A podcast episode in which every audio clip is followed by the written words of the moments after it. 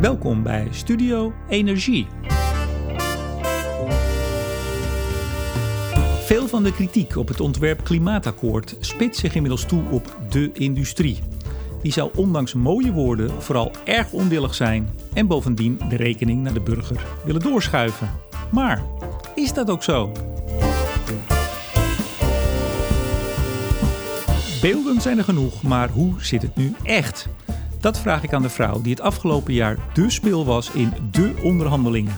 Zij is de onafhankelijk voorzitter van de Klimaattafel Industrie. Mijn gast deze week is Manon Jansen. En op deze uitzending wordt weer mede mogelijk gemaakt door energieleverancier De Nutsgroep, Team Energie van Ploemadvocaat en Notarissen en netbeheerder Stedin. Mevrouw Jans, hartelijk welkom. Ja, dankjewel. Ik introduceer u zojuist als voorzitter van de Klimaattafel Industrie. Bent u dat eigenlijk nog? Uh, volgens mij tot, uh, totdat het allemaal getekend is wel, ja. Hoewel we nu al in een hopelijk iets rustiger fase voor de voorzitters ingaan. Maar ik denk dat ik het technisch nog wel ben, ja. Ja, want ik, ik zag uh, van de week Diederik Samsom, uw collega-voorzitter gebouwde omgeving... heeft nu een column in de Volkskrant. En ja. die werd daar ingeleid als hij leidde de tafelgebouwde omgeving. Oftewel, dat is geweest. Oh, ja. Maar ja. u zit er dus eigenlijk nog wel in. Nou, ik denk dat wij alle, alle, voor, als, alle voorzitters nog steeds niet... we hebben nog geen de decharge gekregen, laat ik het zo maar zeggen. En zolang dat het akkoord uh, niet getekend is, denk ik dat we allemaal nog op afroep beschikbaar zijn hoor. Dus, Vrijdag 21 december werd het gepresenteerd. Ja. Het ontwerpakkoord. Uh, ja. Niet het definitieve wat we aanvankelijk dachten. U, u, was daar niet bij bij die persconferentie. Moeten we daar iets achter zoeken? Nee hoor, ik, ik was heel druk bezig geweest hier in uh, in, Nederland en vooral in Den Haag. En ik had uh, wat achterstallig onderhoud op ons kantoor in Brussel. Dus ik was die vrijdag op bij mijn Ecoris team in Brussel. Daar moest ik gewoon even bij zijn. Ja, want u, ben, u bent CEO van Ecoris. Ja, CEO en voorzitter van, van de Board of Management van Ecoris. Internationaal onderzoeks- en moet ik even goed kijken, beleidsadviesbureau. Ja, klopt. Uh, op heel veel terreinen, hè? Ja. Niet, niet, alleen energie, milieu. Nee hoor, op de, de Grand Societal Challenges, dus alle grote transitievraagstukken op deze planeet. En energie is er eentje van, maar we werken op, op al die grote vraagstukken. Oh, en ook een heel groot stuk buiten Nederland. Dus uh, we hebben een aantal werkmaatschappijen in, eh, in buitenlanden. Uh, en, uh, dus daar zit ik ook af en toe wel eens een keer. En het is misschien niet toevallig dat u in België zat, want u woont daar ook, hè? Ik woon in, in ja, het was niet toe, terwijl het was toevallig. Nee, ik had daar gewoon ook werk te doen, maar ik woon ook in Brussel, dat klopt, ja. ja. Even het cv is altijd wel aardig. Lid van de Raad van Bestuur van de Gewestelijke Investeringsmaatschappij Vlaanderen. Ja. Ook weer iets heel anders. Ja en nee. Ja, het is eh, anders omdat het een, eh, een investeringsmaatschappij is. Maar het sluit ook weer aan bij mijn uh, aandachtsgebieden. Omdat de GIMF, zoals we in België zeggen, vooral investeert of participeert in, in sustainable scale-ups. Dus die hebben ook wel iets met, met de ontwikkelingsvraagstukken van deze maatschappij. Ja. We gaan heel kort even door uw carrière, die is heel lang. Procter Gamble, 16 jaar. Ja. Electrolux. Ja, uh, Philips Lighting. Ja. En dat in, in marketingrollen met name. Chief ja, Marketing ja, de Chief Marketing Officer in, bij Electrolux en bij, bij Philips Lighting ook. Uh, Ecovis. Ja, daarna Ecovis. Toen hebt u nog in de duurzame top 100 gestaan, geloof ik. Ook nog eens een keer. Ook nog ja, eens. Ja, ja. ja dus uh, er stond in de Volkskrant onlangs... U, u was de grote onbekende van de vijf tafelvoorzitters. Dat valt misschien toch nog wel mee. Nou, dat hangt maar. Het is heel relatief van waar je bekend bent. Ik was in ieder geval onbekend in Den Haag. Ik, ik ben de enige niet politicus, of in ieder geval niet met een politiek uh, verleden. Dus in die zin was mijn naam zeker minder bekend. Uh, dat klopt, ja. Dat, dat was terecht. Maar in de energiewereld wel zeker, want ja. u was of bent nog steeds boegbeeld, ja. vind ik zo'n mooi woord, boegbeeld ja, topsector energie. Dat klopt, dat ben ik. Ik denk dat ik niet zevende jaar in ga, dus ik, ik, ik loop al een tijdje mee in de energiewereld. Bij Ecovis natuurlijk. Ik tijdje in de, de Raad van Toezicht van de Green Deals gezeten. Uh, topsector al jaar zeven. Uh, dus daar doe ik al heel veel uh, met, met innovatie, met de TKI's en, en, en eigenlijk de communities die de energietransitie in dit land leiden. Dus de mensen in de energietransitie. Die, die ken ik wel, ja. We gaan naar het klimaatakkoord uiteraard. Maar nog één vraag toch. Ja. U hebt veel functies. Bent u een beetje aan die functies toegekomen? Want het was me wel druk, hè, vorig jaar. Goh, hou op zeg. Het was... Uh... hou op, schij uit. Ja, nou, het was. Uh, het, als, je het, als je eraan begint, denk je: het past allemaal bij elkaar. Want energie is de grote rode draad. Dus ja, hoe logisch is het om te zeggen: een topsector en, en een klimaatakkoord. En, ja, en, en, en, en het land roept en, en dan zeg je. Uh, Geen nee. Nou ja, ik heb wel geprobeerd, maar dat, dat lukt dan toch niet. En, nee, u, u stond niet te springen? Nou, ik had helemaal niet aan gedacht dat ik zo'n rol zou kunnen vervullen. Ik had het nooit eerder gedaan. Dus uh, ik was ook wel een beetje verbaasd. Dat ik, ik dacht, misschien word ik gevraagd om ergens aan een tafel mee te doen. En uiteindelijk werd ik gevraagd om de industrietafel te leiden. En ik moest wel even, ik heb wel gevraagd waarom ik dan. En de vraag is omdat dat we denken dat je het kan, maar ook omdat je uh, neutraal bent. Je, je, je hoort niet bij een, een, uh, een belangenpartij. Dus ja, daar was ik wel een beetje verbaasd over. Maar dan zeg je toch al gauw ja, weet je, als jullie denken dat ik dat kan, dan moet ik dat ook gaan doen. Uh, want dan heb ik een rol te vervullen. En zo ben ik er ook ingestapt. Maar het was inderdaad razend druk. Ja, hebben ze, want we zitten op dit moment op uw kantoor op de, volgens mij, de tiende, elfde verdieping. Twaalfde uh, verdieping. Twaalfde, kijk eens aan, ja. de bovenste. Uh, Rotterdam-Alexander. Ja. Uh, hebben ze u nog wel wat gezien de afgelopen jaar? Ja hoor, maar ze hebben me ook heel veel op en neer zien rijden naar Den Haag. Dus het was wel veel op en af naar het ministerie, bij de SER. Maar ook heel veel avondwerken. Want de meeste mensen die hier aan meededen, hebben allemaal gewoon een dagbaan. Dus die waren ook overdag niet beschikbaar. Dus het, het ging ook veel in de vrije uren zitten. Oké. Donderdag voor de presentatie, uh, de donderdag voor kerst, uh, trokken de milieuorganisaties ja, de stekker eruit. met een persconferentie ja. en met heel veel bombarie keerden ze zich eigenlijk tegen het resultaat van tien maanden onderhandelen. had u dat zien aankomen? Um, nou ja en nee. Um, het moment zelf is denk ik dan toch altijd een beetje de verrassing. Maar ik denk dat er ook wel duidelijk tekenen waren dat er voor de Groene Partij, de Groene Alliantie, een aantal dingen in het hele klimaatakkoord, ook in het ontwerp van het akkoord zaten, waar zij uh, geen voldoening mee namen. En dat hebben ze ook altijd aangegeven. Dus dat op zich was helemaal geen verrassing. Uh, en dan is alleen de vraag van ja, wanneer, wanneer neemt men welke beslissing? En dat is dan toch altijd wel een beetje een moeilijk moment. En de vraag is ook van, eh, stappen ze dan op of niet? Want ze vonden het niet voldoende, maar ze zijn ook niet opgestapt. Dus wat is het dan precies? Ik sprak die dag, sprak ik Joris Thijssen even en die zei... nou ja, we zijn niet zozeer opgestapt, want het is eigenlijk klaar. Dus we konden niet opstappen, we geven het alleen geen steun. Zo ja, zei hij ja. het. Nou, ik, de, Joris en Marjolein zaten uh, bij de vergadering aan tafel. Marjolein dus ik Demmers van het zeggen. Ja, Marjolein Demmers. En ze zeiden, ja, wij, wij tekenen hier niet voor... want we vinden het gewoon niet voldoende, maar we stappen niet op. Dat nou, was die donderdag Dat ook. was die donderdag, ja. En uh, aan de ene kant denk ik van ja, oké. Okay. Aan de andere kant is het hartstikke mooi, want ze geven het niet op. En, en als je uitgaat van de grote, grote behoefte om een akkoord te sluiten, om, omdat de urgentie van die klimaatverandering en dus de energietransitie enorm is, ben ik daar heel blij omdat ze niet opgestapt zijn. Nou ja, dat, dat zegt u wel, maar uh, zo klonk het die donderdag in ieder geval wel, want de, de, ze lieten er geen Ja. spaan van heel en het, het- Ja, er was klopt. weinig toeschietelijkheid. Nou ja, het, het weinig toeschieten. Zij- Ik denk dat, dat de, de Groene Alliantie de grote, de grote verdienste heeft om, om ergens voor te staan. En, en ze hebben een, een taak en die taak is om ons scherp te houden op een aantal doelen. En dat hebben ze ook heel goed gedaan. Ehm, en dat vonden ze gewoon niet voldoende. En, en, en dat is best goed. Maar ze zaagden het eigenlijk bij de enkels af, heb ik het ook laatst ge- gezegd in een Ja, gesprek ach. met Joris Thijssen. Ja, ik weet niet of ik het zo zou noemen. Ik denk, ze hebben toen vier punten aangegeven waarvan zij zeiden, dit vinden wij niet voldoende. Dat begon eigenlijk met de ambitie van 49 procent.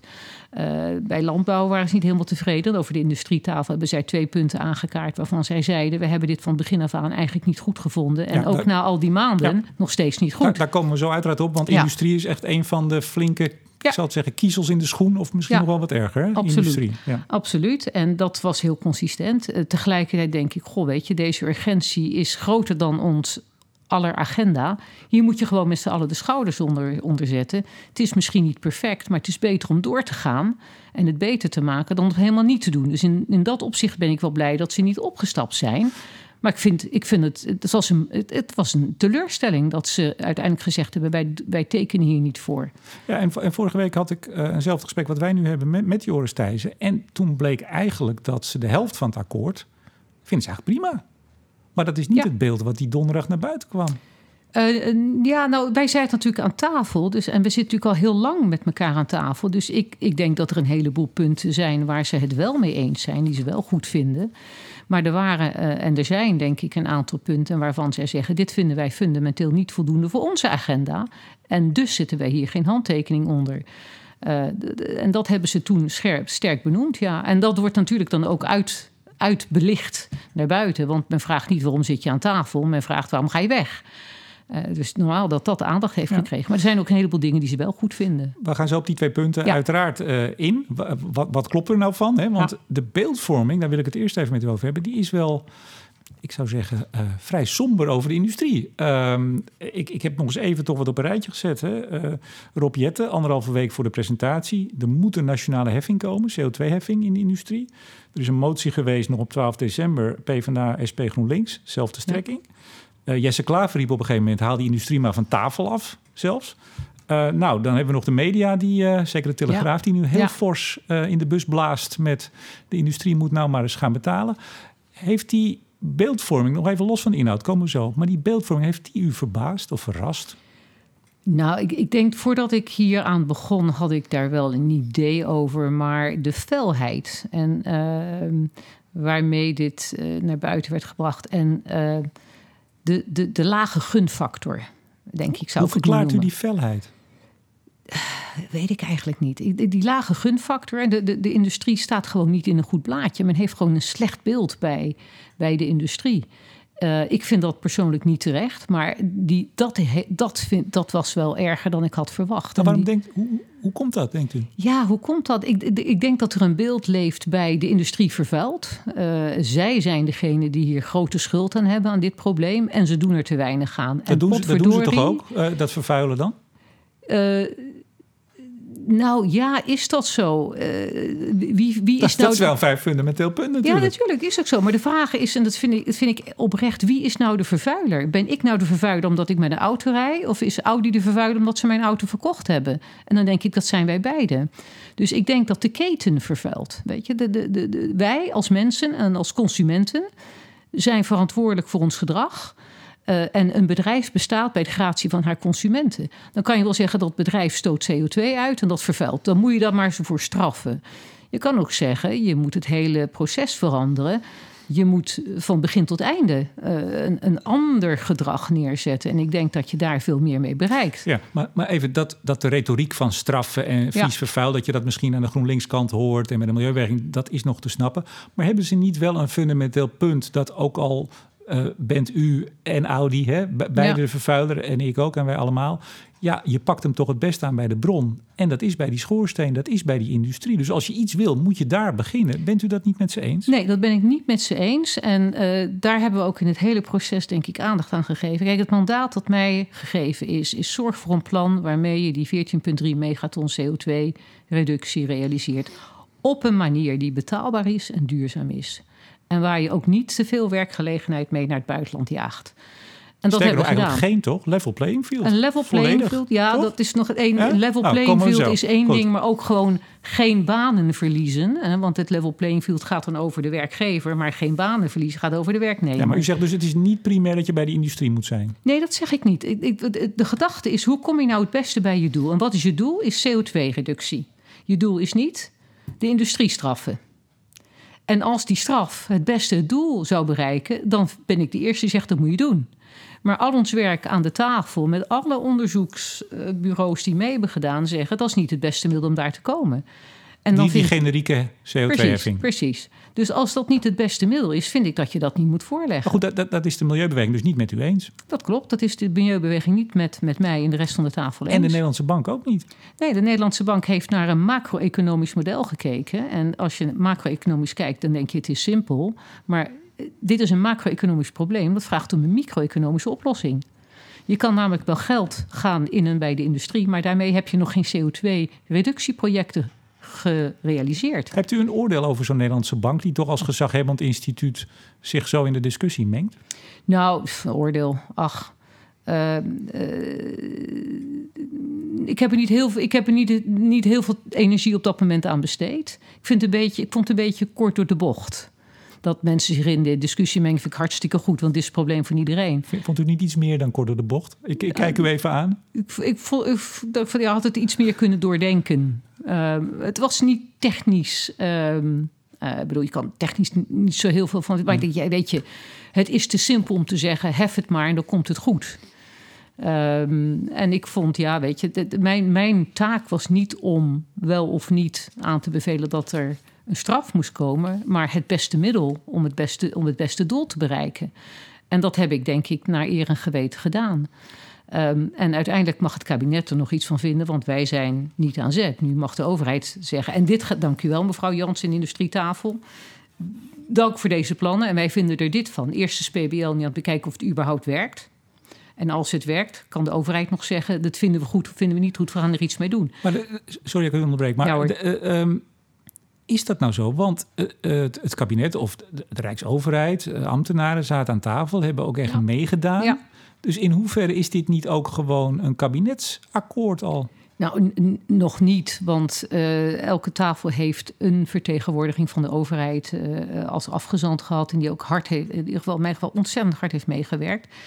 Maar het kabinet, is wel de coalitie, de hele overheid moet hier gezamenlijk iets van vinden. En van de gezamenlijkheid van de plannen. Dus de tafels hebben afzonderlijk de plannen ingediend. Daar wordt naar de, in gezamenlijkheid naar gekeken. En dan moet er ook nog eens een keer een budgetplaatje bij. Ja, maar, maar helpt u mij even. Er was op een gegeven moment, of eh, op een gegeven moment, er is een tijd lang een cockpitoverleg geweest met, op, het, op het hoogste niveau. Met premier Rutte, met ministers, met eh, vertegenwoordigers of de, de woordvoerders in de, in de Kamer. Die hebben daar toch niet een beetje duimen zitten draaien? Die hebben meegestuurd.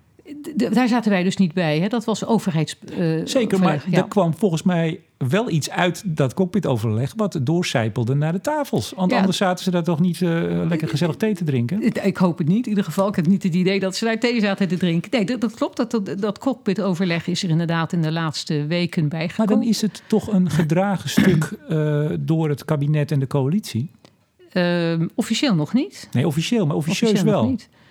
Nou ja, ik weet niet of ik, ik. Ik was er niet bij. Ik kan het dus niet. Dat kan ik niet inschatten. Maar er is dus. ehm, eh, ze zijn er wel actief mee bezig geweest. Dat klopt. Maar er kwam nooit eh, een, een ochtend na een avond cockpitoverleg een ambtenaar bij u aan uw tafel die zei: Zeg, eh, Manon, er is gisteren overleg geweest. Eh, zou je nog eens hier naar kunnen kijken? Dat, dat hebt u nooit gemerkt dat er, dat er ja, sturing, invloed, proberen. Ja, nee, stuur, dat, nee, sturing of invloed, nee. Er, waren zoveel eh, open puntjes en moeilijke vragen... die allemaal daar zijn overlegd... en die ook, ook als een soort, als een onderdeel van de onderhandeling... denk ik ook mee zijn genomen. Ehm, eh, en dat was denk ik ook erg nuttig in die laatste week... om in ieder geval richting te geven dat je weet van... goh, eh, dat, dat kan en dat kan niet. Eh, ook de verschillende ministeries van als je iets voorlegt, kan dat überhaupt eh, wettechnisch of kan financiën daarmee leven? Dat heeft wel geholpen om de realiteitszin van die plannen te toetsen. Maar dan kwam er iets geks op de dag dat dat eh, eh, ontwerpakkoord, noemen we het dan nu, eh, waarvan minister Ja. Zei, een eerste stap. Vond u Ja. dat een leuke trouwens, die opmerking? Na tien maanden zo intensief onderhandelen en werken, dat hij zei een eerste stap? Oh, dat vind ik, dat leg ik, ja hoor, ik vind dat prima. Het is, eh, het is een eerste stap voor velen. Of, ook al was het voor ons misschien maand tien. Het is, daar heb ik helemaal geen probleem mee. Maar op 1 januari had eigenlijk de definitief, had, dus, had het, de uitwerking, had het moeten starten gewoon. Definitief klaar, ja, punt, tuurlijk. beginnen. Ja, tuurlijk. en nu is het een Eh, eerste stap. Ja, nee hoor. maar Daar, daar, Bent u zo optimistisch of bent u... eh, Nee, ik vind dat helemaal niet erg. Ik begrijp best wel dat, dat, dat, eh, dat zo'n term erin... Daar, daar lig ik echt niet wakker van. Nou, we zijn nu toch een goede voorzitter gekozen. Want ik geloof weet dat het ik niet. misschien er iets anders in had gezegd. Maar goed, nee, maar even op die dag gebeurde Ja. er iets bijzonders. Dat, nou, hij zei ten eerste de eerste stap. Nou, oké. Maar los van het akkoord wat naar eh, het CPB en het eh, PBL ging... en die Ja. dus wordt Ja. doorgerekend... heeft het kabinet ook nog zelf even een aantal dingen... die van de tafels waren gevallen... laten ze nu ook even doorrekenen. Bijvoorbeeld die malus, bonus malus... gaan we Ja. zo weer van 100 euro Ja. per ton. Ja. Wat vindt u daarvan? Ja, dat had ik graag ook wel eventjes op tijd geweten. Ja, Het, het mag allemaal, want het is niet... van u mag alles, maar, maar Ja, het is toch het- raar? Nou ja, is het raar? Nou, mm, eh, het is misschien niet handig. Waarom is het Eh, niet handig? Nou ja, denk, als je zoiets doet, dan ga je ook een stukje op de stoel van de voorzitter zitten. Eh nogmaals. Een stukje? eh, ja, een stukje. Want ze Een hebben niet plan Nee hoor, want ze hebben niet plan Nee, geschreven. maar u hebt, u hebt met uw, uw partijen hebt u, onderhandeld. Daar komt dan een, een getal uit, die 43 Ja. euro. Nou, ik ga het zo nog even over.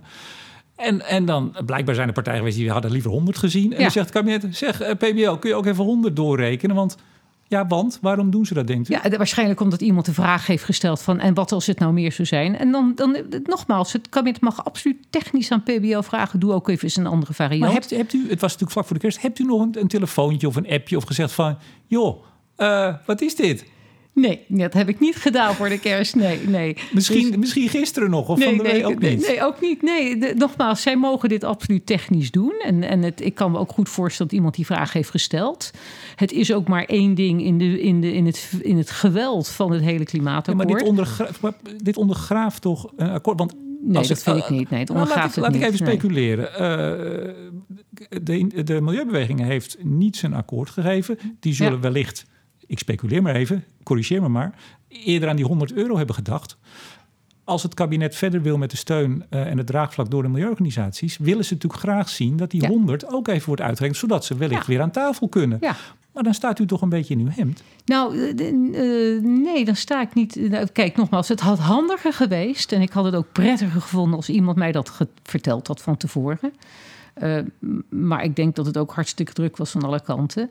Tegelijkertijd denk ik van, goh, weet je, dan is het maar doorgerekend. Nou, dan zijn onze plannen ook wel of niet bewezen. Dus ik, ik heb daar niet. eh, ik vond het even op het moment, vond ik het wel een beetje, denk, hè, potverdorie. Ehm, Oh, dat, dat toch wel. ja, toch wel eventjes. Eh, maar ik vond ook dat we een heleboel dingen wel op tafel hadden gelegd... waarvan mensen zeiden, nou, dat, dat ziet er best aardig uit. Dank u wel voor het werk. Eh, niet iedereen is perfect, ook, ook de ambtenaren bij de overheid niet. En vind ik het objectief, alle, los van alle emotie... vind ik het verkeerd om het door te rekenen? Nee. Ik vind het niet verkeerd om door te rekenen. Ik vind het proces niet zo handig geweest. Nu op de inhoud. Ja. Generieke CO2-heffing, die komt er niet. Dat is, ik, ik zei dit leven, hè, politieke partijen roepen daarom, eh, opiniemakers eh, roepen erom, eh, de kranten, nou, no- noem maar op. En uiteraard de milieuorganisaties. Eh, er stond een stukje in de Volkskrant twee weken geleden, eh, daar werd u in aangehaald. En daar ging het eigenlijk over, is er nou eigenlijk wel ooit over gesproken of onderhandeld of niet? Eh, vraag, is er over zo'n generieke CO2-heffing onderhandeld? Ehm, de vraag is, wat bedoel je met onderhandelen? Is het besproken? Ja, het is besproken. En het was absoluut van het begin af aan helder... dat de, de Groene Alliantie een generieke heffing wilde. En En de van industrie? De industrie eh, niet, eh, ook om een aantal goede redenen. En uiteindelijk is in, ook in, het, eh, in de eerste helft van het klimaatakkoord... bij het, het voorstel tot het ontwerp van hebben wij ook duidelijk een plan voorgelegd, heeft mijn tafel een plan voorgelegd, waarin het duidelijk ging naar een, een specifieke heffing en een ex post heffing. Ik, ik pak even de tekst. Er zijn partijen, stond er in dat, Ja. dat voorstel voor de hoofdlijn op 10 juli. Er zijn partijen die bij de uitwerking van financieringsinstrumenten een bodemprijs voor CO2 willen betrekken. Ja, Naar de effecten van de CO2-prijs zal verder onderzoek moeten worden dat gedaan. klopt. Dat was het. ja, dat was het. Dus het voorstel, dus waar de tafel naar neigde, was: Goh, weet je, dit, dit zou het kunnen zijn. Zo zou het kunnen gaan werken. Dus een, een, een subsidieregeling met als partijen niet mee zouden doen, een heffing. Maar het was toen ook wel duidelijk, en dit was absoluut de input van de, van de groene partijen: van we willen ook wel laten onderzoeken van weet je, een bodemprijs. Nou, er is ook onderzoek naar gedaan. Eh, dus we, hebben. de- Het, was nooit een geheim. Alleen vanaf, vanaf redelijk in het begin zijn onze plannen geneigd naar een ander instrument. Maar nou zeiden in datzelfde Volkskrant-stukje eh, de milieuorganisaties... dat er ook bedrijven aan de industriekant wel voor open stonden. Shell, eh, de chemietak van Axo Nobel, Tata Steel. Klopt dat? Ik weet het niet, want die zaten niet rechtstreeks bij mij aan tafel. Dus dat zal dan ongetwijfeld tussen de andere gesprekken zijn geweest. Want dat is het volgende punt. Ja. U hebt van de zomer hebt u VNO-NCW aan tafel Ja, gehaald. in de tweede helft, ja. Klopt. Daar was ook wat gedoe over, begreep ik. Nou, hele- helemaal niet tot ik de vraag kreeg van de, van, van de Volkskrant. Eh, was er gedoe? Nee, kijk, het was, het was mijn idee om dat te doen. Het is absoluut niet eh, VNO die mij gebeld heeft met het idee... we moeten bij jou aan tafel. Eh, Maar ik heb in het, in het energieakkoord van eh 2012, 2013 ook, ook iets mee mogen doen. En ik vond het vreselijk belangrijk dat VNO meedeed. Omdat het anders te gevaarlijk zou zijn dat VNO op de tweede rij zou zitten... en dan zou zeggen, wij zijn niet betrokken, dus we kunnen er niks van vinden. Dus wij, ik dacht, eh, VNO moet erbij zijn in de tweede helft. Maar waarom hebt u dat niet meteen aan het begin gedaan? Eh, ja, toen, dat, dat was op dat moment eigenlijk gewoon niet aan de orde. En, eh, en Want toen, u mocht zelf de tafelsamenstelling ja, dat bepalen. klopt. hè? Dat klopt. Ja. En toen vonden we dat eigenlijk niet, eh, niet logisch. Of in ieder geval was dat niet, niet, vonden we met z'n allen toen niet noodzakelijk. In de tweede helft vond ik dat wel. Ik heb dat idee ook absoluut voorgelegd aan de mensen aan mijn tafel. Ik heb dat specifiek aan de spelers gevraagd van... goh, Wat vinden jullie hiervan als ik dat doe? En die zeiden? En die zeiden, uh, dat is goed. Ik, ik heb een paar mensen moeten overhalen. Ik heb ze moeten vertellen waarom dat ik dat belangrijk vond. Zaten die aan de groene kant? Bijvoorbeeld. Um, en ik, uh, ik, ik, en ik heb daar een ja op gekregen. Zeg oké. Okay, uh, is het een beetje een, een, soort stormpje in een glas water achteraf? Of zit er iets fundamenteels onderscheef? Ik denk, toch? ik denk dat het achteraf, een, ja, ik weet niet of het een storm is geweest, maar het is iets wat achteraf gespeeld heeft. Men was best wel beducht voor de rol van VNO aan tafel. En die rol is denk ik heel goed vervuld. De gesprekken zijn goed geweest.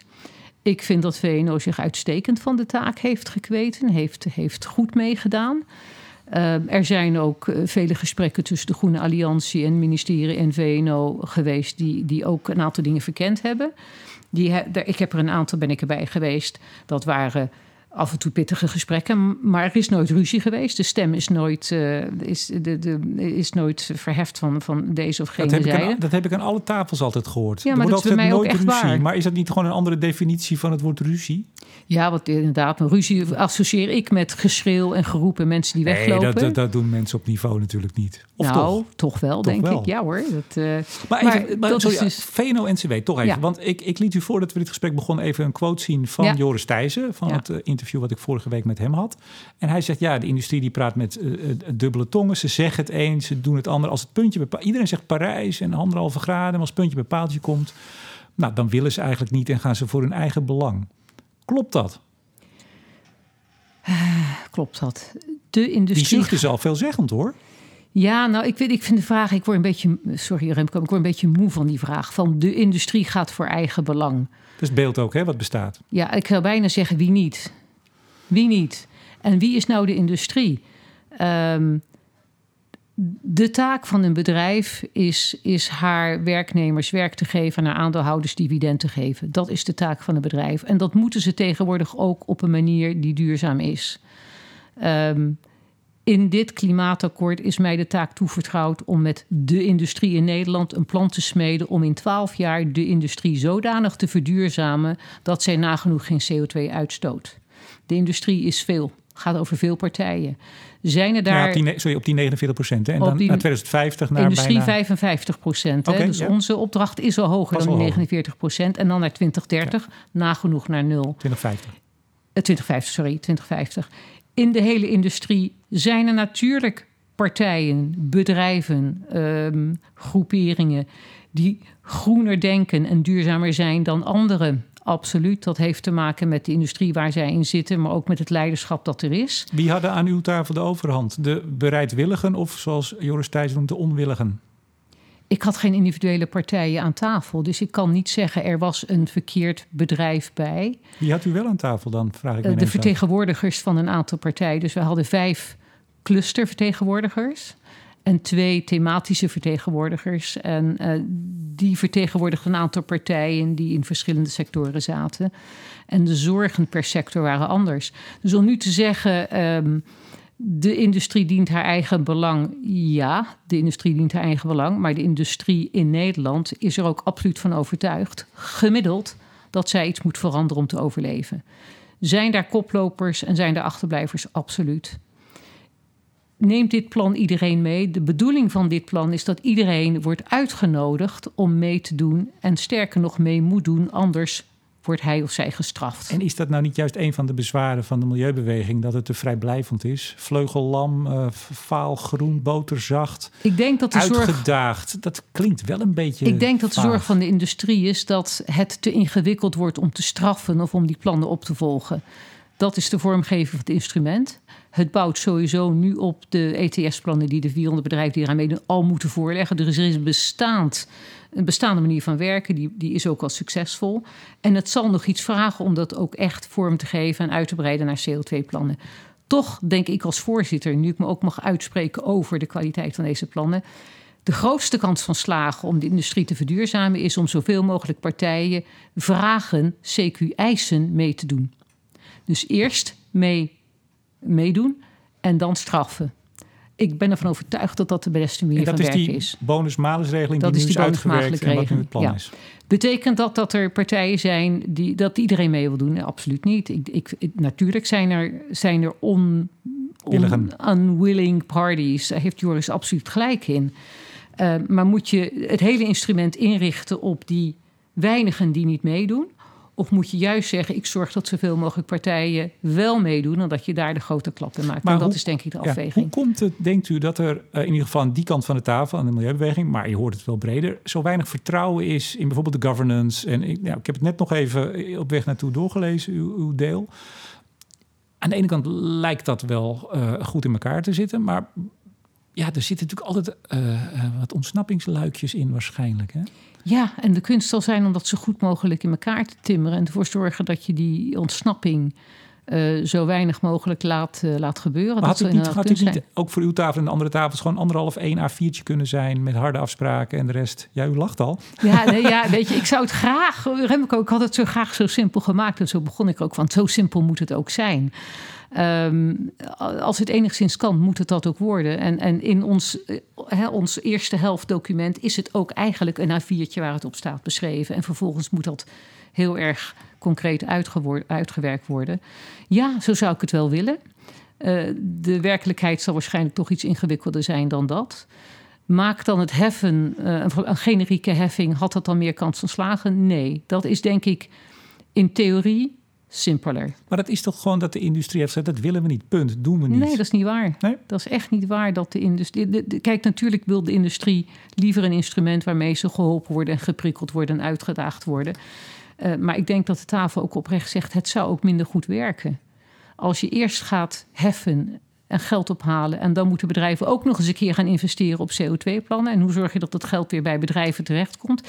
Het is niet minder ingewikkeld. Maar toch, u zegt de tafel. Ja. Maar ik neem dan even aan dat de, de, groene familie aan de tafel dat niet vindt, wat u net zegt. De groene familie aan de tafel vindt dat niet. Maar, maar, maar wie zijn dan, en dan hebben we dus de industrie, maar wie zat er dan nog meer aan tafel? Niet zijn de industrie of milieubeweging? Nou, de, de, de overheden zaten aan tafel, ook de lagere overheden zaten aan tafel. En, uh, en die waren ook niet voor die generieke uh, aanpak? Uh, ook daar ook wat, eerlijk gezegd, ook verdeeldheid. Uh, Sommigen zeiden, zeiden, goh, is generiek niet gemakkelijker? En anderen zeiden, nou, we kunnen ook wel begrijpen waarom dat niet beter zou zijn. Het is ook een afweging van wat is beter en wat is gemakkelijker. Want u, hebt, u had ook rapporten daaronder liggen? Of hebt u nog apart onderzoek laten doen daarnaar? Ja, er is een onderzoek uitgezet, ook op, op, naar aanleiding van deze vraag van... goh, weet je, als je nou generiek gaat heffen, wat levert dat dan op in termen van, van tonnen reductie?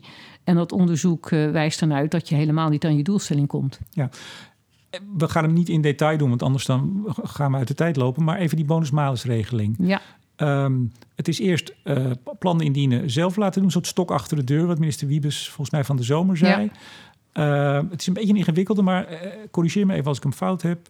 Ja, bedrijven moeten wat gaan doen, doen ze het niet, moeten ze betalen. Ja. Doen ze het wel, dan profiteren ze meer van steun, subsidie, geld. Ja, dan mogen ze meedoen aan een subsidie, mogen ze indienen. Dus een bedrijf, de bedrijven moeten een plan indienen om CO2 te gaan reduceren.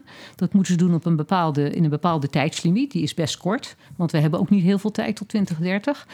Als die plannen goed genoeg worden bevonden door de dienst die dat gaat beoordelen, dan mogen zij meedoen aan een tenderregeling en dan krijgen ze daar een stukje uh, subsidie voor. een van de kritiekpunten. RVO moet dat doen en ja.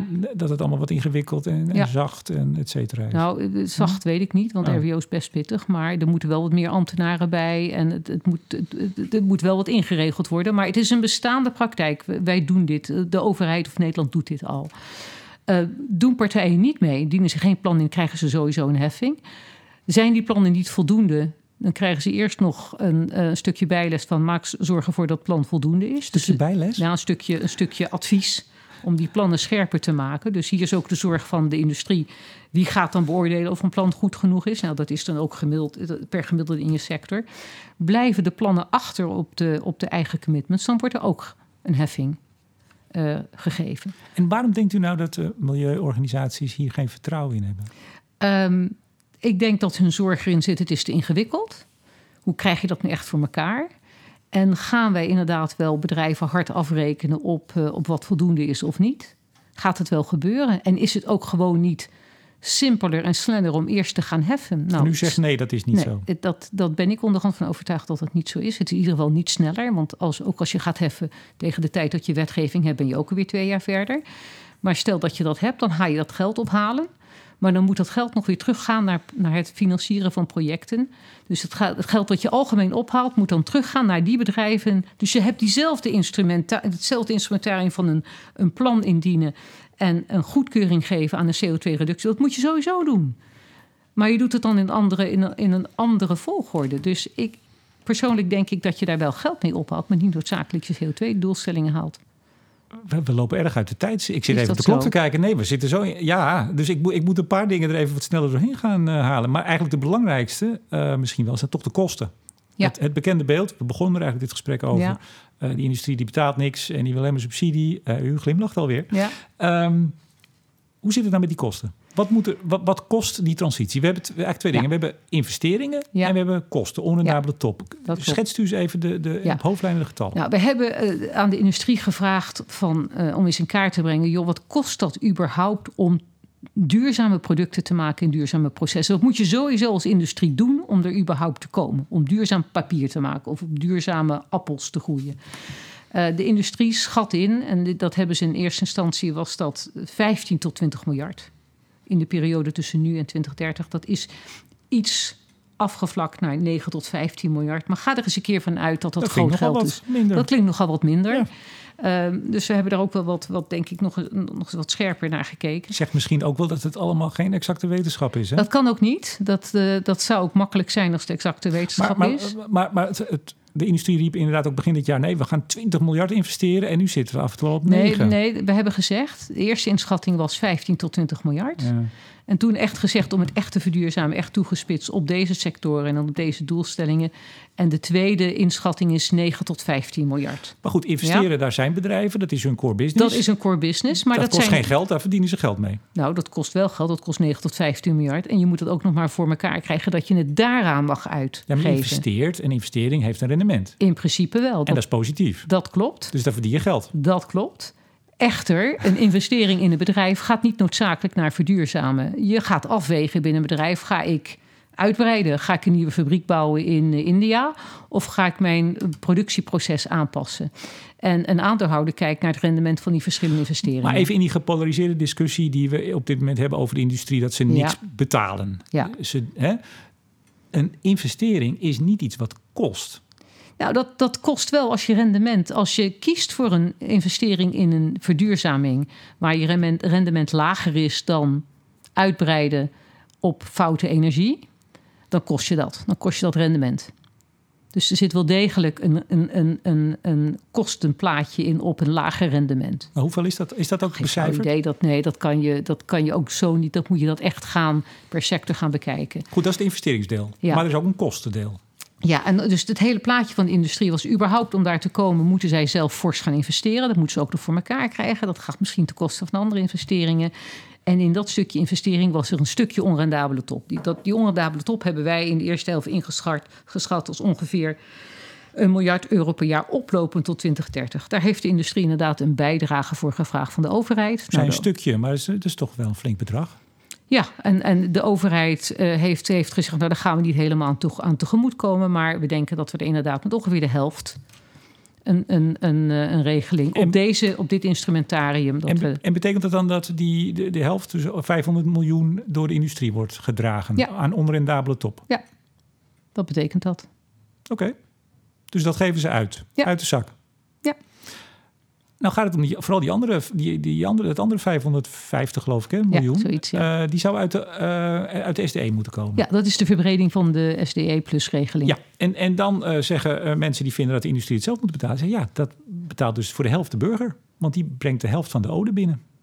Ja, dat klopt. Dat, eh, dat, dat, dat, zo zit het technisch in elkaar. Daar, uh, dat, dat komt Kunt u ook niks aan doen? Wel ja, nee, ja ik, ik, zou ook wel willen dat het geld uh, van Mars kwam of zo. Maar zo zit de economie in elkaar. Maar, dat, maar nou zei minister Wiebes in die uh, brief waarin hij het akkoord, ja, ik geloof in de Kamer stuurde. nou ja, in ieder geval zijn aanbiedingsbrief. Het kabinet staat er bovendien voor dat huishoudens en het MKB niet opdraaien voor de kosten van de transitie in de industrie. Maar dat doen ze dus wel. Of niet? Ja, ik weet dus niet hoe uiteindelijk de financiering gaat gebeuren. Dat, daar, dat weet ik dus niet. Hè. Dat wordt nu allemaal ja, doorgerekend. Daar wordt naar gekeken of het kan, of het klopt. Maar het klopt ook dat, dat deze overheid ook zegt... wij beschermen de huishoudens en we beschermen... uh, zeker de lage inkomens in dit land. En dat is ook heel erg goed. Maar dat zou toch betekenen dat als dit zinnetje, wat ik er even uitlicht uit die brief, uh, zou kloppen. En ik legde hem ook aan Joris Thijssen voor. En die zei eigenlijk, ja, nou ja, dat staat dus op gespannen voet. Had het dan in het uh, akkoord geschreven, want daar staat dat niet. Dus dat wekt wel die, dat wantrouwen. Ik snap dat wel. Want als je die SDE gewoon laat vullen voor de helft door bedrijven en de helft door burgers. Ja, dan betalen ze uiteindelijk een kwart van die miljard. Wordt dan door burgers opge, opge uh, betaald. Ja, ja, ja ik, ik, denk dat dat technisch zo, zo klopt. Ja, en ik weet ook niet hoe dat allemaal rondrekent straks. Hè, want gelukkig zit ik ook niet bij het ministerie van Financiën. Maar ik denk dat dat ook nog wel even bekeken moet worden. Of, of het uit kan en of men het zo wil. Maar dat zou dan betekenen dat die, dat die hele ode-structuur, of de, de, de SDE wordt gevuld met ja. ode, dat zou dus ja. waarschijnlijk helemaal op de schop moeten. Wil je die burger echt buiten schot houden? En ik denk dat dat ook een van de vraagstukken op tafel is. Dat, dat, ik denk dat daar ook nu naar gekeken wordt. En daar ging het dus bij u aan tafel niet over? Nee, nee. Omdat dat financiering is, maar ik, dat is dus een van die dingen volgens mij wat er nou precies in zo'n cockpit-overleg gebeurt. Wat zijn de consequenties van deze plannen? Wil je dat? Als je dat niet wil, hoe doe je het dan wel? En dan u, moet de ode inderdaad structuur op de schop. Hebt u, hebt u een oordeel als voorzitter over, laat ik het dan zo zeggen, de onduidelijkheid die er uh, wellicht, zeg ik met understatement, is ontstaan over betaalt de burger nou wel grote krantenkoppen van de Telegraaf dat de burger voor die industrie moet opdraaien. Dat staat er nu eigenlijk wel. Ja, en ik denk dat dat een voorbarige conclusie is. Maar tegelijkertijd. Maar wel denk begrijpelijk op basis van de ja, teksten. Ja, zeker. Als je, het, als je het zo denkt van hé, hey, is dat een risico? En tegelijkertijd denk ik, nou, dat is eigenlijk ook maar goed dat iemand denkt van hé, hey, even aan de alarmbel, wil je het zo? Moet je het dan niet anders inrichten? Eh, ik denk, Remco, dat het ook zo is dat deze transitie zo vreselijk ingewikkeld is dat wij met z'n allen en geen van ons individueel precies doorheeft hoe het nou precies gaat lopen. Het enige wat we wel weten is dat we eraan moeten beginnen. En daarom ben ik ook niet. Um, we zijn er niet klaar mee. Um, we staan ook aan, aan het begin van die transitie. En ik ben ook helemaal niet persoonlijk aangeslagen door al deze opmerkingen van mensen. Op het moment zelf is het best zuur om zoiets te horen. Maar ik denk dat het ook terecht is, want ik denk dat er veel moet veranderen om het ook allemaal goed te kunnen doen. Ik denk ook het principe van de vervuiler betaalt, terug naar het begin van ons gesprek. Ik betrek het op mezelf. Als ik drie keer per jaar op vakantie wil met een goedkope vlucht, dan vind ik ook dat je mij CO2-rechten moet laten betalen. En ik vind dat je me daarop mag aanspreken. En dat is iets waar we dan ook iets mee moeten. Je moet niet alleen maar zeggen straf die luchtvaartmaatschappij. Maar als burger, um, je hebt een CO2-budget. Ga er maar mee om. Mijn CO2-budget, mijn grote foute ding is mijn auto. Ik ben vegetariër, ik heb zonnepanelen, ik heb een waterput.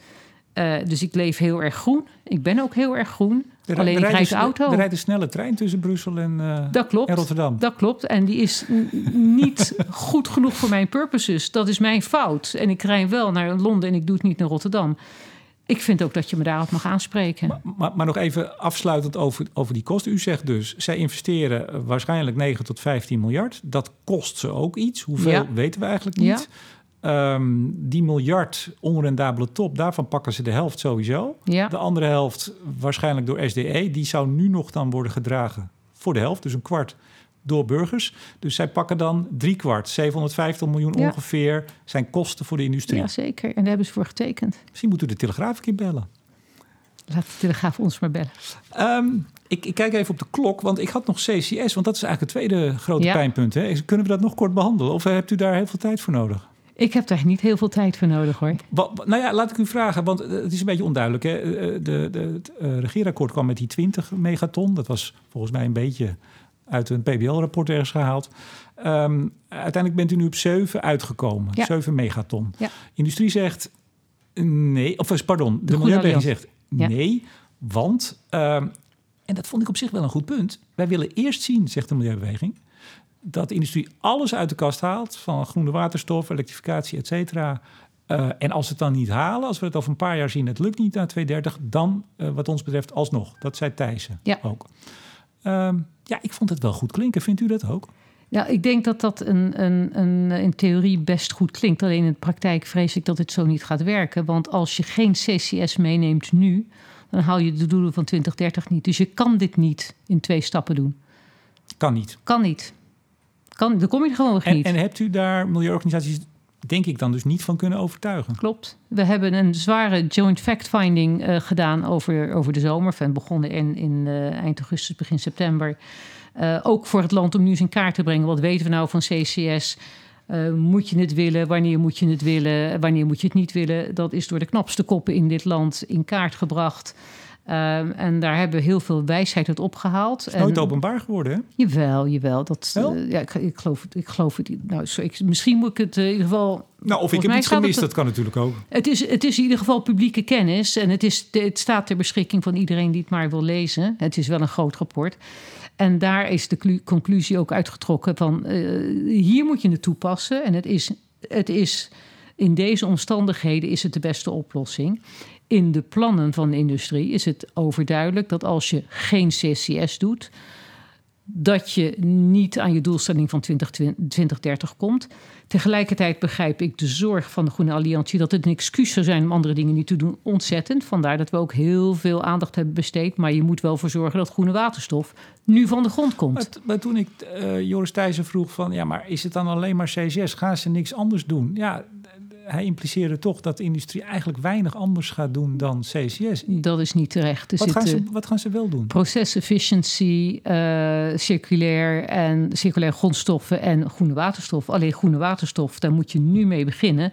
Voordat je daar in 2030 iets groots mee kan. Daar gaat nog even wat tijd. Maar dan moet je nu mee beginnen. En dat, daar heeft de Groene Alliantie heel erg terecht op gehamerd. En daar uh, wordt ook in die SD-plus-regeling uh, positief aandacht aan besteed. Is procesefficiëntie niet iets wat een bedrijf sowieso moet doen? Sowieso, maar dat moet veel sneller. Dus hogere kosten. En anders dan je het natuurlijk zou laten gebeuren. Dat moet vooruit naar voren worden gehaald in de tijdslijn. Ik heb van twee verschillende bronnen begrepen dat uh, u wellicht op een gegeven moment iemand naast u zou krijgen als voorzitter. Hebt u dat ook gehoord? Ja, dat heb ik uh, ook gehoord. Uh, ik denk dat er inderdaad uh, bij het begin van de tweede helft wat zorgen waren. Aan de ene kant over de, de, de tijdsbesteding. En ik heb een fulltime taak. dus het proces kon ik er wel voldoende tijd voor vrijmaken. maar ik denk dat het ook eerlijk is om te vermelden dat misschien ook wel bezorgd was van gaat dit wel lukken? Uh, de industrietafel werd toch gezien als de meest uh, ingewikkelde of de moeilijkste tafel om een akkoord op te krijgen. En ik was zeker de meest uh, onervaren voorzitter. Dus ik kan me goed voorstellen dat mensen dachten: oh jee, moet hier versterking bij? Komen en dan, dan hebben we het over de voorzitter van het Klimaatberaad, denk ik, die daar dan. Ja, dat was in ieder geval zijn taak om dat dan uh, daaraan te denken, om, om het proces goed te begeleiden. Ja. Nou, zijn de andere vier tafelvoorzitters ook zeer druk bezet mensen met nevenfuncties en hoofdfuncties en uh, heel volle agenda's. Um, ja, was dit niet toch gewoon op inhoud? Nou, dat Ging u niet genoeg leveren wellicht? Ja, ik denk dat dat best een zorg was. Is me in ieder geval niet, niet zo, uh, zo verteld. Maar ik, ik denk dat dat best een zorg is. En ik denk dat die zorg eigenlijk best terecht is. Ik denk dat ik dat zelf ook wel eens een keer die zorg heb gehad. Ik, ik was wel de meest bezet. Want ik had ook gewoon nog de, beste, de meeste fulltime baan. Maar ja, weet je, ja, ik, zou, ik denk zeker dat dat een zorg was. Ik denk vond, dat het ook logisch is. Vond u het vervelend? Um, ja, natuurlijk vind je dat vervelend. Uh, want ik, uh, ik heb ook wel een beetje professionele trots. Ik denk, potverdorie, ik loop wel de hele tijd mee al in energie. En ik ken deze wereld wel. Uh, maar objectief gezien, ik kan er ook heel analytisch naar kijken. En denk, ja, als goede procesbegeleider moet je die zorg wel hebben. Moet je ervoor zorgen dat je het kan opvangen als het fout gaat. Uiteindelijk heb ik, heb ik het gewoon afgemaakt zo. Um, maar ik kan me dat uh, heel goed voorstellen. Als ik in, in die positie had gezeten, had ik misschien ook wel zoiets dergelijks uh, als uh, noodoplossing gehad. Dus de vicevoorzitter die in de coulissen stond, die kon daar blijven? Dat, dat, moet jij mij niet vragen. Maar het is, het is verstandig om ervoor te zorgen dat je een backup hebt. Dat is zeker het geval. Ja, een backup of iemand naast u? Ja. Nou, laten we dat nou, niet midden laten. Ik had voldoende mensen naast me staan hoor. Heel goed. Uh, de planbureaus zijn aan het rekenen nu. Wanneer komen ja. ze met... Uh... Oh, is een goeie. Volgens mij is de timing ergens uh, de tweede week van februari. Maar weet even niet uit mijn hoofd. Waarschijnlijk intern, maar niet naar buiten, toch? niet naar buiten. Denk dat. Ik weet ook niet, nog niet eens. We hebben volgende week weer even een vervolg, vervolgafspraak Om even te kijken hoe gaat, het, hoe gaat dit stukje van het proces nu verder. Uh, ik, ik weet niet, ik vermoed dat PBL eerst naar, naar, uh, naar de opdrachtgever gaat. En dat is toch de overheid. En dat wij er dan iets van horen en dat het dan naar buiten gaat. Want we hebben natuurlijk bij de eerste helft gezien in juli dat uh, het duurde even voordat de doorrekening naar buiten Ja. kwam. Hè? Ja, Had iets met Prinsjesdag te maken. waarschijnlijk ja. Ja, weten we nooit zeker natuurlijk. Weet dat leek dat- er wel op. Het, eh, het wordt nooit verteld, maar dat, dat eh, leek, wel, eh, leek er wel op, ja. Minister Wiebes noemde dat ontwerpakkoord die vrijdagochtend eh, al, eh, dus het, het ontwerpklimaatakkoord, een eerste stap, hè, daar hadden we het al even over. Dat klinkt dat er nog wel wat ruimte zit voor eh, flinke aanpassingen. Denkt u dat ook? Nou, een eerste stap klinkt als er komen meer stappen, denk ik. Ik weet niet of je dat moet interpreteren als er is ruimte voor flinke aanpassingen. Het is, het is wel degelijk, denk ik, een eerste stap. Er komt een kabinetsappreciatie, die gaat er iets van vinden. Ehm, er komen verkiezingen aan. Ehm, eh, ik denk dat het gewoon verstandig is om, om eh, even de, de, de verwachtingen te managen. En zeggen: Goh, weet je, er kunnen nog eens een keer wat aanscherpingen. Wat als BBL doorrekent en zegt: of we halen de doelstellingen niet. Of het kost te veel. Dan moet je toch terug naar de tekentafel. Moet je een aantal dingen gaan veranderen. Maar mevrouw Jansen, een eerste stap. Na tien maanden, na zo'n proces. Ja, Dat is toch wel heel erg zuinig. ja. Is dat zo? Vind je dat? Nee, ik vind het gewoon verstandig eventjes de verwachtingen temperen. Ik las dat u trots bent op het eh, bereikte resultaat. Ja. Denkt u dat het resultaat overeind blijft? Ehm, ja, ik denk dat daar, eh, dat denk ik wel. Ehm, ik, ben, ik ben er trots op, omdat ik denk dat dit een, eh, een goed doordacht plan is. Ik ben vooral heel erg onder de indruk geraakt van eh, partijen aan tafel die toch ehm, eh, over eigen schaduw zijn heen gesprongen in de meeste gevallen. Eh, en de, en er is geen enkele discussie meer over de behoefte om iets te doen. En dat was in het energieakkoord van 2012 wel het geval. Dus men is, men is, men is aan de slag. En ook al komt er maar één ding uit, is het nog winst. Dus eh, daar hield ik mezelf ook een beetje mee overeind. Van stel dat je er niet uitkomt, ook al heb je maar één project uiteindelijk eh, van de grond gekregen, dan is het nog de moeite waard. Ik vind het een goed plan en ik denk dat men dat ook wel zal inzien. En voor de rest kan het ook gewoon nog zo zijn dat de coalitie denkt van goh, we willen dit toch anders. En dat is ook een goed recht. Is, is de Groene eh, Alliantie ook over zijn eigen schaduw heen gesprongen aan uw tafel? Ehm, ik denk op een aantal punten wel, een aantal punten niet. Wilt u e- eentje noemen waar ze wel over hun schaduw gesprongen zijn? Nou, ik denk dat ze in, in het instrumentarium zelf, eh, als dit instrumentarium gaat vliegen, dat ze daar best een aantal eh, dingen hebben, he- hebben omarmd. Ehm, ik denk ook dat de persoonlijke relaties een stuk beter zijn geworden. Ik denk ook eh, het, het belang van groene waterstof en het feit dat het nog een tijd gaat duren. eh, daar, dat is echt wel belangrijk geworden. En uiteindelijk hebben ze toch een aantal andere speerpunten gewoon gezegd: nee, hier gaan we niet in mee. Dus en is dat dan een kwestie van schaduw? Ik denk dat ze daar een aantal dingen vasthouden. Dat zijn CCS en generieke heffing. Uh, maar ze zijn ook aan andere tafels wel een heel stuk uh, opgeschoten. Dus ja, ik denk dat uh, de, de, Groene Alliantie ook op een aantal punten ook wel, ze noemen het misschien toegeving hebben gedaan, maar gezegd in het belang van het grotere goed, dan gaan we hierin mee. Die generieke heffing, denkt u dat die er alsnog kan komen? Dat weet ik niet. Dat, uh, Hoe groot acht u de kans? Nou, hij, hij kan er natuurlijk technisch komen. Uh, de overheid beslist, wij niet. Niet de tafel, niet de industrie. De overheid gaat dit bepalen. Ja, waarschijnlijk de politiek. Of de politiek. Uh, ja, hoe, hoe, hoe je, nogmaals, ja. ik ben de grote onbekende, dus ik weet het allemaal niet zo goed. Nee, maar de, we begonnen dit gesprek aan met die, die, roep van heel veel politieke ja. partijen, ook in de coalitie, D66, om zo'n generieke heffing. Eigenlijk toch ook om, dat is een beetje de teneur, dat, dat straffen toch. Ze moeten meer betalen. Burgers gaan niet voor de industrie betalen. Ja. Daarom vroeg ik u eigenlijk of u wat u nu hebt liggen, of u dat overeind denkt te houden. Ja, het, het kan natuurlijk gebeuren dat de politiek iets anders beslist. Uh, ik reken wel op de, de, de, goede onderbouwing en, en de logica van deze plannen. Een, een logisch denkend mens, burger of ambtenaar of consument, ziet gewoon de logica hiervan in. En denkt, als dit je doel is, CO2 gaan, gaan besparen of vermijden, dan moet je het gewoon zo doen. Dit heeft de meeste kans geslagen. Daar reken ik op. Um, uh, maar heb ik daarmee de wijsheid in pacht? Nee. Maar de hele, toch de polarisatie die we zien in de politiek, uh, daar is vaak de reden wel wat ver te zoeken. Wat dat betreft denk ik dat u niet zo optimistisch kunt zijn. Nee, maar daarom is het misschien ook goed dat ik geen politicus ben. Ik kan me gewoon af en toe lekker achter de inhoud verschuilen en zeggen: Goh, ik, ik, ik reken gewoon op het gezonde verstand van de gemiddelde Nederlander en ook van de gemiddelde Nederlandse politicus. Uiteindelijk doen wij dit in het belang van het land. En ik, uh, ik, ik, ik heb vertrouwen in, uh, in, in, in, het, in het nobele gesternte van de mens. Echt.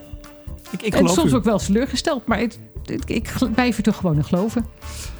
Manon Jansen, voorzitter van de Klimaattafel Industrie, hartelijk dank voor het gesprek.